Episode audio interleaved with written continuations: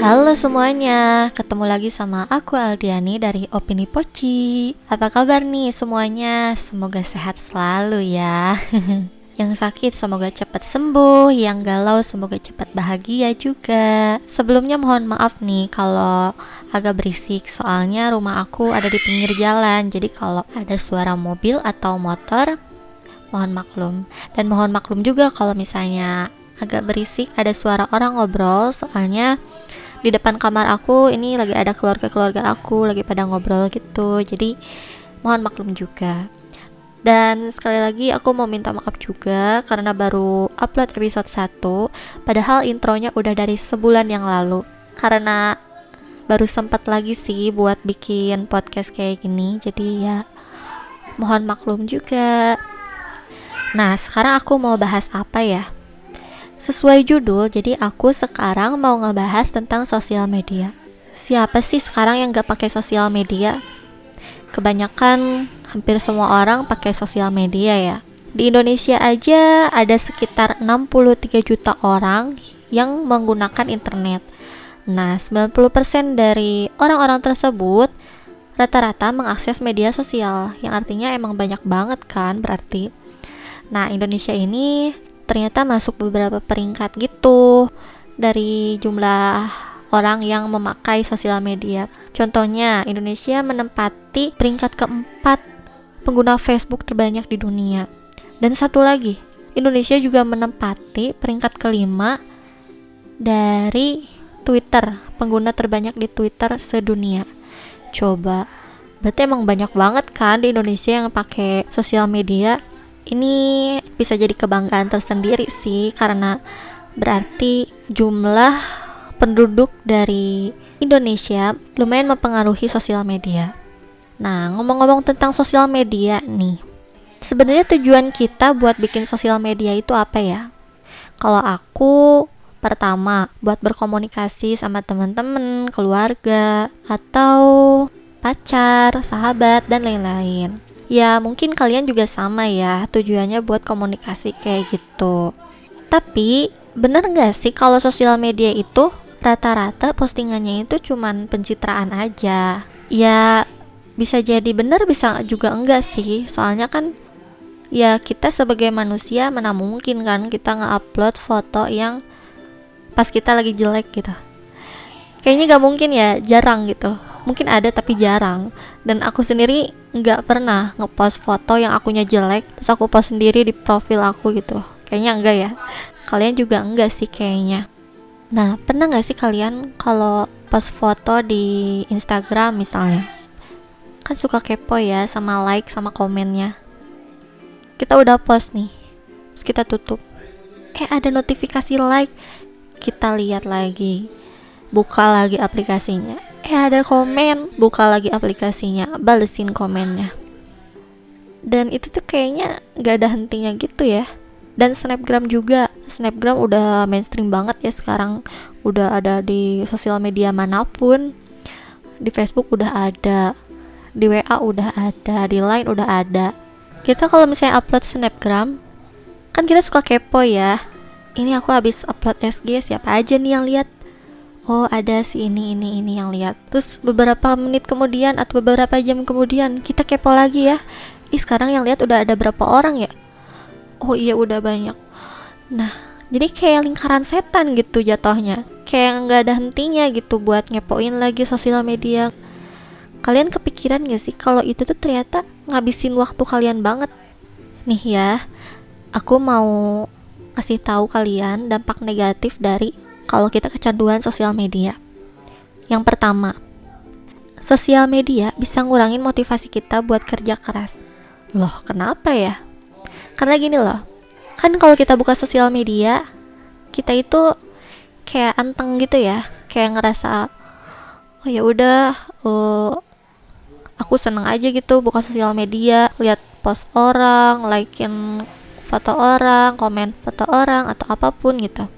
Nah, karena kita terhanyut dalam kesenangan itu, terus kita kayak mager kan jatuhnya. Karena jatuhnya jadi mager, jadi kita nggak mau gerak gitu. Eh nggak ada motivasi buat kerja keras atau apa pun yang punya passion juga kayak perlahan terlenyap apa ya bahasanya kayak perlahan ter teredam bukan teredam ter apa tuh yang hanyut tenggelam. Nah tenggelam. Nah gitu. Karena adanya kesenangan di sosial media nah itu tuh bisa ngilangin rasa bosen. Mungkin kalian bersyukur ya kalian jadi nggak bosen gitu. Tapi kalian nyadar nggak sih kalau kalian nggak bosen daya kreatif kita itu malah nggak ada gitu. Kalau kita nggak bosen kita nggak akan mikir gimana caranya kita biar nggak bosen. Nah padahal itu juga dibutuhin biar kita itu berkembang gitu. Dan kesimpulan dari dampak ini ternyata hormon dopamin yang menghasilkan kesenangan sesaat ini perlahan-lahan bisa ngerusak cara kerja kita sebagai manusia karena terlalu anteng sama sosial media. Dampak yang kedua yaitu mengurangi produktivitas kita. Apa alasannya? Pertama, kayak yang udah dijelasin tadi, karena kita itu kehilangan daya kreasi kita. Kedua, karena energi otak kita berkurang setelah memakai sosial media. Kok bisa ya berkurang? Aduh, nyetrum. Sorry guys. Aduh, nyetrum mic-nya. Gini ya, kenapa berkurang? Karena kalian nyadar gak sih, setiap kalian like, setiap kalian komen, setiap kalian scroll ke bawah, itu tuh sebenarnya ngabisin energi dari otak kalian secara nggak sadar dan kalian itu malah terhanyut gitu itu juga lama kelamaan ngebuat otak kalian lelah jadi ya nggak aneh kalau otak kalian tiba-tiba lemot atau gimana gitu. Nah alasan ketiga yaitu ngebuang waktu. Karena gini ya kan yang namanya kita main sosial media yang awalnya niatnya ah mau buka 5 menit doang. Niat doang tuh 5 menit. Eh tahunya pas buka sosial media malah keterusan sampai satu jam. Dan itu tuh nggak kerasa. Itu tuh nggak bakal kerasa karena kita tuh kalau udah buka yang ini kita bakal kepo yang itu. Jadi bakal keterusan gitu. Jadi kayak nggak ada ujungnya gitu. Makanya karena beberapa alasan tersebut jadi mainin sosial media itu mengurangi produktivitas kita.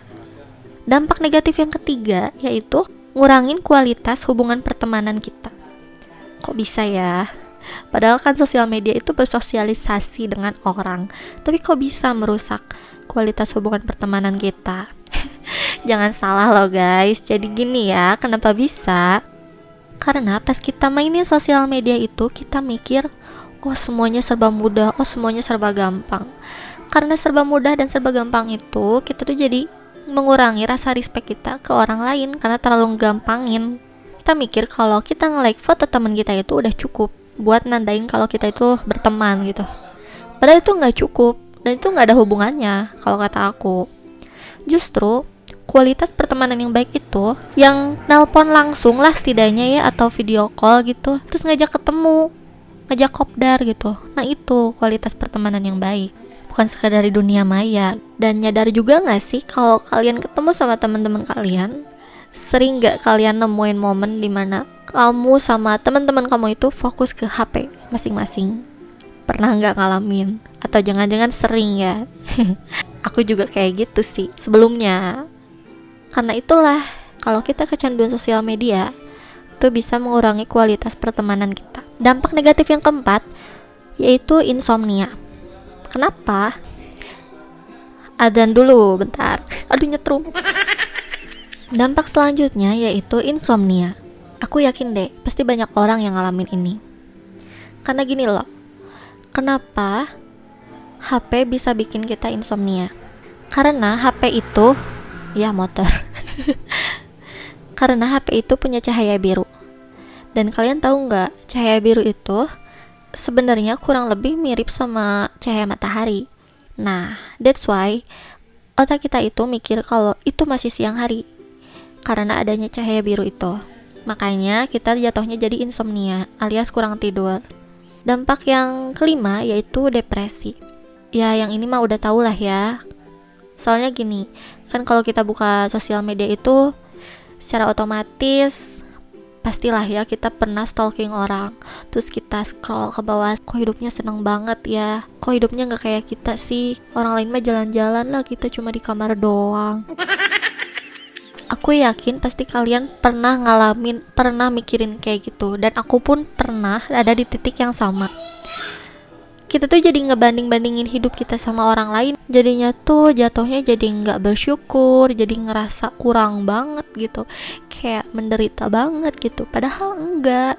Orang-orang di luar sana yang nunjukin kesenangannya doang itu ya itu emang senang-senangnya doang. Kalian nggak tahu kan sedihnya kayak gimana terpuruknya kayak gimana gak mungkin kan? Kita sebagai orang gitu nunjukin gimana terpuruknya kita di post gitu. Misalnya ini kita berantem sama orang terus kita post gitu di Instagram. Kan gak mungkin ya?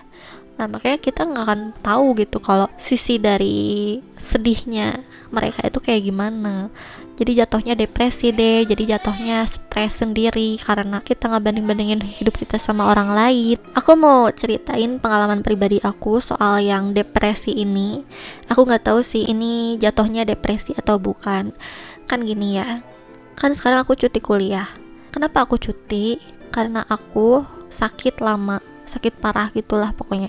Nah pas lagi sakit parah gitu aku tuh yang namanya gak bisa makan, gak bisa jalan, bisa sih jalan, cuma sempoyongan banget kayak bener-bener ngeplay.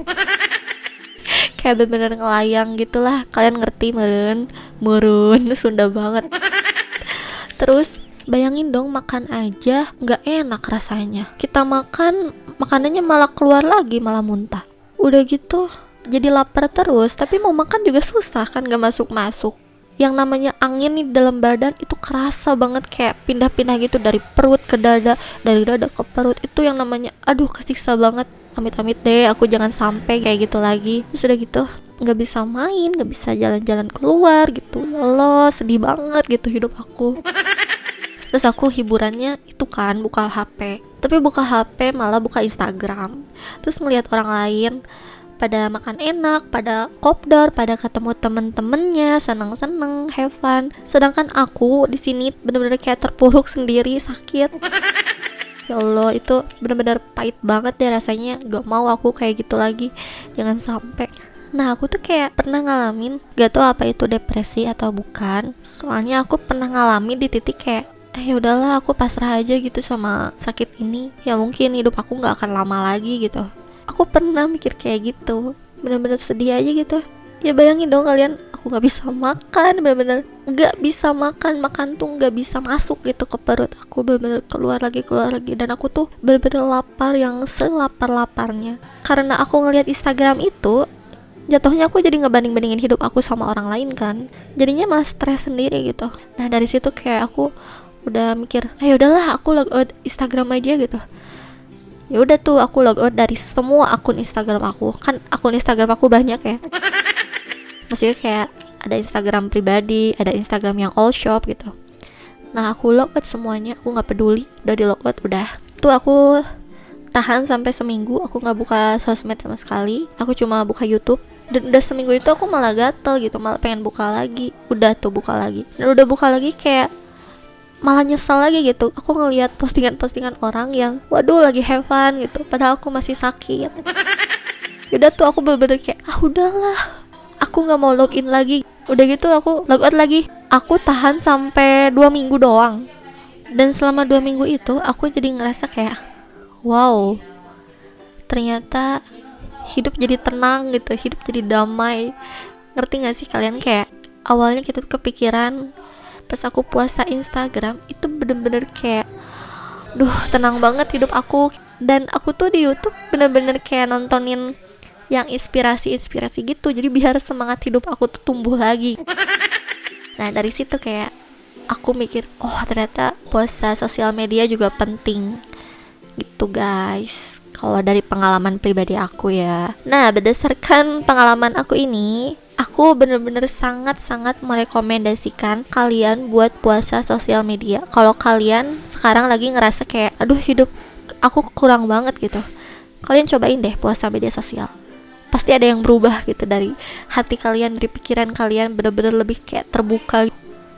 Kan aku waktu puasa media sosial itu, aku cuma nontonin YouTube yang ada inspirasi-inspirasinya gitu ya Nah, kalau kalian sehat-sehat aja, selama kalian puasa media sosial, mending kalian ngelakuin hal produktif kayak ngelakuin hobi kalian atau ngelakuin passion kalian. Bener-bener apa yang kalian suka, ya kalian lakuin aja. Jadi produktif kan? kalau kalian suka nulis ya nulis kalau kalian suka hunting ya hunting kalau kalian suka jalan-jalan ya jalan-jalan aja gitu itu tuh bener-bener kayak ngebebasin pikiran kalian jadi nggak akan stres lagi. Karena kalau kita kena toxic itu bukan teknologinya yang salah tapi kitanya yang harus kontrol diri sendiri. Begitu pemirsa. Terus aku mau nyebutin beberapa orang yang pernah puasa media sosial nih selain aku. Dan aku baru tahu sekarang loh pas aku nyari tahu tentang ini. Ternyata dari orang-orang terkenal juga ada loh yang sampai tutup akun Instagram. Contohnya nih kalian tahu nggak presenter net TV yang namanya Marisa Anita? Nah kalau kalian nggak tahu coba aja di Google. Marisa Anita. Dia juga awalnya sempet terhanyut dalam media sosial kayak gitu. Cuman sejak dia sadar kalau ternyata ada toxic nih dari sosial media, Kak Marisa ini dia mulai menarik diri. Sejak tahun 2016 2000 sudah pisan guys. 2016 nah dari tahun itu dia itu menyempatkan buat kuliah ke Inggris ya kalau nggak salah. Ya pokoknya dia tuh habis puasa eh selama puasa media sosial itu kan dia sambil kuliah di Inggris. Karena di sana emang nggak ada kegiatan yang harus bikin dia update gitu. Jadi ya udah gitu. Jadi dianya nggak terlalu kepikiran. Nah dan di tahun 2019 juga awalnya Kamarisa itu puasa medsos selama satu bulan penuh nah abis itu kayaknya dia udah mulai fix tuh Facebook dihapus Instagram dihapus Twitter dideaktivasi dan ada juga nih yang, yang pasti kalian tahu yaitu Teteh Sarah Sehan. Nah, Sarah Sehan juga udah berhenti posting sejak 2017. Kenapa? Karena alasannya gini. Teteh Sarah Sehan ini bosan ngelihat diri sendirinya di posting terus karena muka dia terus, muka dia terus. Intinya gitulah ya. Dan Teteh juga menghindari komentar negatif. Karena gini loh, kalau kita post kan kita pasti pernah lah ya dapat komentar negatif kayak misalnya kak kok gendutan sih kak kok iteman sih ya kayak ke body shaming gitu ya arahnya Teteh Sarasehan ini menghindari komentar negatif kayak gitu. Makanya dia menarik diri dari Instagram. Tapi Teteh Sarasehan tetap pakai kok Instagram cuma buat ngeliat perkembangan dunia aja ngelihat perkembangan oh, sekarang lagi tren apa sih? Sekarang lagi ada apa sih? kayak gitu. Nah kan kita aja bisa kenapa kalian gak bisa? Cobain dulu deh pasti bisa kalau misalnya kalian udah puasa media sosial terus kalian udah berdamai sama diri sendiri baru deh boleh buka medsos lagi aku mau nyebutin beberapa cara buat ngatasin candu sosial media ini. Cara pertama yaitu matiin notifikasi. Ini ampuh banget deh. Aku sebenarnya baru cobain sih. Dan kalau kita matiin notifikasi, itu tuh bisa bikin kita nggak terlalu kepo sama sosial media. Bisa bikin kita lebih fokus gitu sama kerjaan. Nah, cara ngatasin yang kedua yaitu jadwalin jadi kalian harus nentuin jadwal kalian buka sosial media kapan aja, sejak eh sejak kapan, mulai jam berapa, batasnya jam berapa. Nah, itu harus kalian yang tentuin sendiri. Pokoknya atur-atur gitu. Terus kalau ada yang nanya, "Kak, kalau misalnya dibatasin gitu, nanti kalau ada yang ngechat yang urgent gimana?" Ya, kalau misalnya kita selalu takut, kita selalu kepikiran takut ada yang ngechat takut kayak gimana kita bakal capek sendiri. Terus kita bakal stres. Emang mau kalian stres? Nggak mau kan?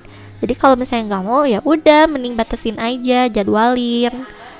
Ini juga buat kebaikan kita semua kok nah yang ketiga yaitu simpan aplikasi di folder yang tersembunyi.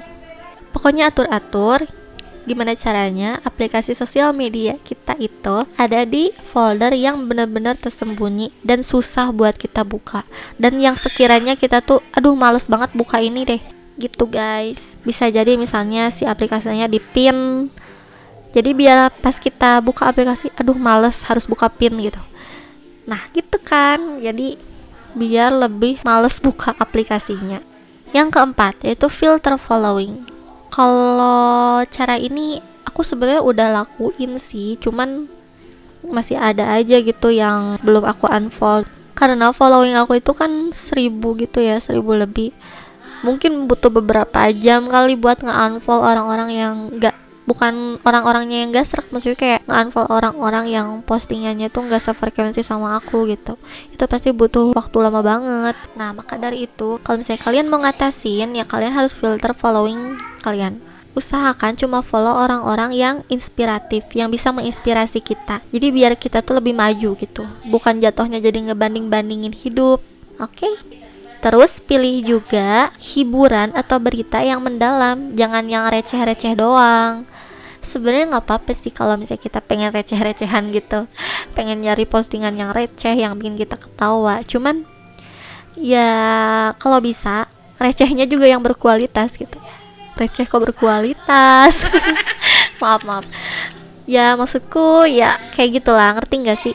Kalau pengen receh yang B aja ya boleh. Tapi setidaknya batasin. Usahakan cari hiburan dan berita yang agak deep gitu yang agak deep yang kelima yaitu filter yang mau di share kalau misalnya kita mau ngepost foto atau apa pun ya filter yang mau di share jangan asal BTW sorry ya ini kalau mulai makin berisik soalnya ayah aku lagi nyalain televisi di depan depan kamar. Jadi sorry banget ya. Kalau misalnya kita mau ngepost foto, kita harus pilih-pilih dulu ya, saring dulu. Ini foto pantas nggak ya buat diupload? Terus udah gitu kalau misalnya kita mau nge-share berita atau info gitu kita harus cari tahu nih kebenarannya. Ini bener gak sih beritanya kayak gini sebelum kita nge-share ya? Terus kita harus konfirmasi dan klarifikasi juga infonya. Dan jangan share info yang mengandung kebencian, fitnah, gosip, dan adu domba itu jangan deh, itu negatif banget ya. Pokoknya jangan, jangan, jangan. Itu bikin Indonesia rusuh tuh ya kayak gitu, yang kayak gitu-gitu tuh. Cara mengatasi yang keenam yaitu filter komen yang kita mau keluarin. Nggak? Jadi maksudnya kayak kita mau komen nih foto orang atau kita mau komen foto artis atau selebgram. Nah, usahakan jangan ngekomen yang negatif gitu. Usahakan lebih ke positif. Kayak misalnya ya lebih baik muji lah gitu daripada ngehujat. Jangan julid gitu jadi orang. Aku percaya banget sih kalau apa yang kita tabur itu apa yang kita tuai. Jadi kalau kita menebar positif ya kita bakal dapat yang positif juga. Kalau kita menebar yang negatif kita juga bakal dapat yang negatif. Makanya kalau misalnya kalian gak mau dijulidin jangan julidin orang. Gitu. Perasaan aku banyak ngomong gitu ya maaf ya latah terus cara mengatasi nomor ketujuh prioritaskan hal yang lebih penting atau urgent. Kalau kita misalnya mau beraktivitas nih, kita tuh harus mikir gitu. Ih, sekarang aku harus mau ngapain? Eh, harus mau ngapain? Sekarang aku harus ngapain dulu ya? Contoh misalnya aku sekarang oh, ah mau beres-beres rumah dulu. Udah beres-beres rumah misalnya um, aku mau kerjain tugas udah tuh kerjain tugas. Nah jadi kayak kita tuh harus benar-benar mikir hal-hal apa aja gitu yang lebih prioritas dan urgent. Jangan terlalu fokus ke media sosial. Media sosial mah nomor sekian lah gitu. Itu benar-benar kita harus kayak prioritaskan hal yang harus diprioritaskan. Yang kedelapan jadikan media sosial sebagai hadiah atau reward kalau kita udah ngelakuin hal yang produktif. Contohnya gini nih. Misalnya kita udah ngerjain tugas kuliah kita pas lagi ngerjain tugas kuliah kita kepikiran pengen pengen banget gitu buka Instagram. Kita tahan dulu tunggu sampai tugas beres baru boleh buka Instagram. Jadi kayak ngejadiin sosial media itu sebagai reward. Kan itu juga bisa ya itu lebih positif lah. Jadi kayak kita tuh ada motivasi gitu. Oh iya aku harus beres kerjaan dulu baru bisa buka Instagram. Kesembilan ketemu orang-orang di real life. No fun zone jadi daripada kelamaan berkutik di dunia maya, ini kita kali-kali ketemu orang lah gitu, ketemu temen gitu di dunia yang nyata gitu. Jangan di dunia maya terus. Dan usahain kalau misalnya kita ketemu sama temen-temen no phone zone. Usahain pas kalian ketemu itu benar-benar ngobrol gitu. Bukan malah mainin HP atau kayak gimana. Atau bisa kayak gini nih, misalnya kalian ngumpul sama teman-teman kalau ada yang mainin HP kalau ada yang buka HP traktir makan gitu nah kayak kita juga bisa kan? Usahain semaksimal mungkin buat no phone zone. Biar kualitas hubungan pertemanan kita juga lebih baik. Yang ke 10 kurangi jumlah medsos yang dipakai. Aku sekarang cuma pakai Instagram sama WhatsApp doang. Seringnya gitu. Instagram aja udah jarang sih sebenarnya. Jarang update Instagram kali-kali WhatsApp yang sering WhatsApp juga jarang update status aku mah cuman chat doang terus udah gitu kayak lain lain ada sih cuman aku jarang buka sekalinya buka juga cuma buka grup doang Twitter udah jarang buka banget, Facebook udah jarang buka. Jadi aku kayak seringnya tuh lebih ke Instagram sama WhatsApp sih. Instagram juga kali-kali sebenarnya. Nah, kalian juga usahain kurangin jumlah medsos yang dipakai. Ada manfaat nih kalau misalnya kalian udah netral, udah puas sama media sosial terus kalian netral, itu kalian bisa lebih fokus buat kerjain hal yang lebih produktif. Kalian bisa lebih damai hatinya, pikirannya, tenang juga, lega juga. Coba ada yang mau nggak kayak gitu daripada kita kecanduan media sosial terus-terusan dan malah kita ngebanding-bandingin hidup kita sama orang lain mending kita cobain puasa media sosial. Oke? Okay?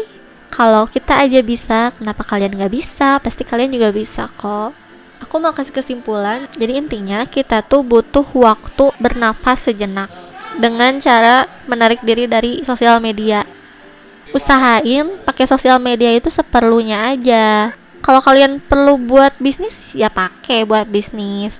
Kalau misalnya kalian pakai buat komunikasi ya pakai buat komunikasi aja. Gak usah lah pakai-pakai buat stalking orang gitu sampai kalian tuh bener-bener kepikiran aduh hirup hirup Sunda lagi. Aduh hidup aku bener-bener menderita gitu. Lebay sih. Hidup aku bener-bener kurang banget gitu intinya ya lebih baik kalau misalnya mau stalking gitu mending stalking orang-orang yang inspiratif. Jadi jatuhnya kita tuh lebih termotivasi kalau gitu daripada kita ngebanding-bandingin hidup. Oke sekian dari aku Aldiani. Oh iya buat episode selanjutnya nih Kayaknya aku mau bahas tentang sosial media lagi. Tapi dari sisi kayak gini Ternyata cara kita memakai sosial media itu berpengaruh ke rezeki kita Ayo, ternyata itu ada hubungannya loh Buat kalian yang suka like atau komen positif Atau komen yang negatif sekalipun Itu ada pengaruhnya buat rezeki kalian Percaya nggak? Kalau kalian penasaran boleh ntar kepoin di episode 2 Oke semuanya, thank you ya. Sekian dari aku. See you. Bye bye.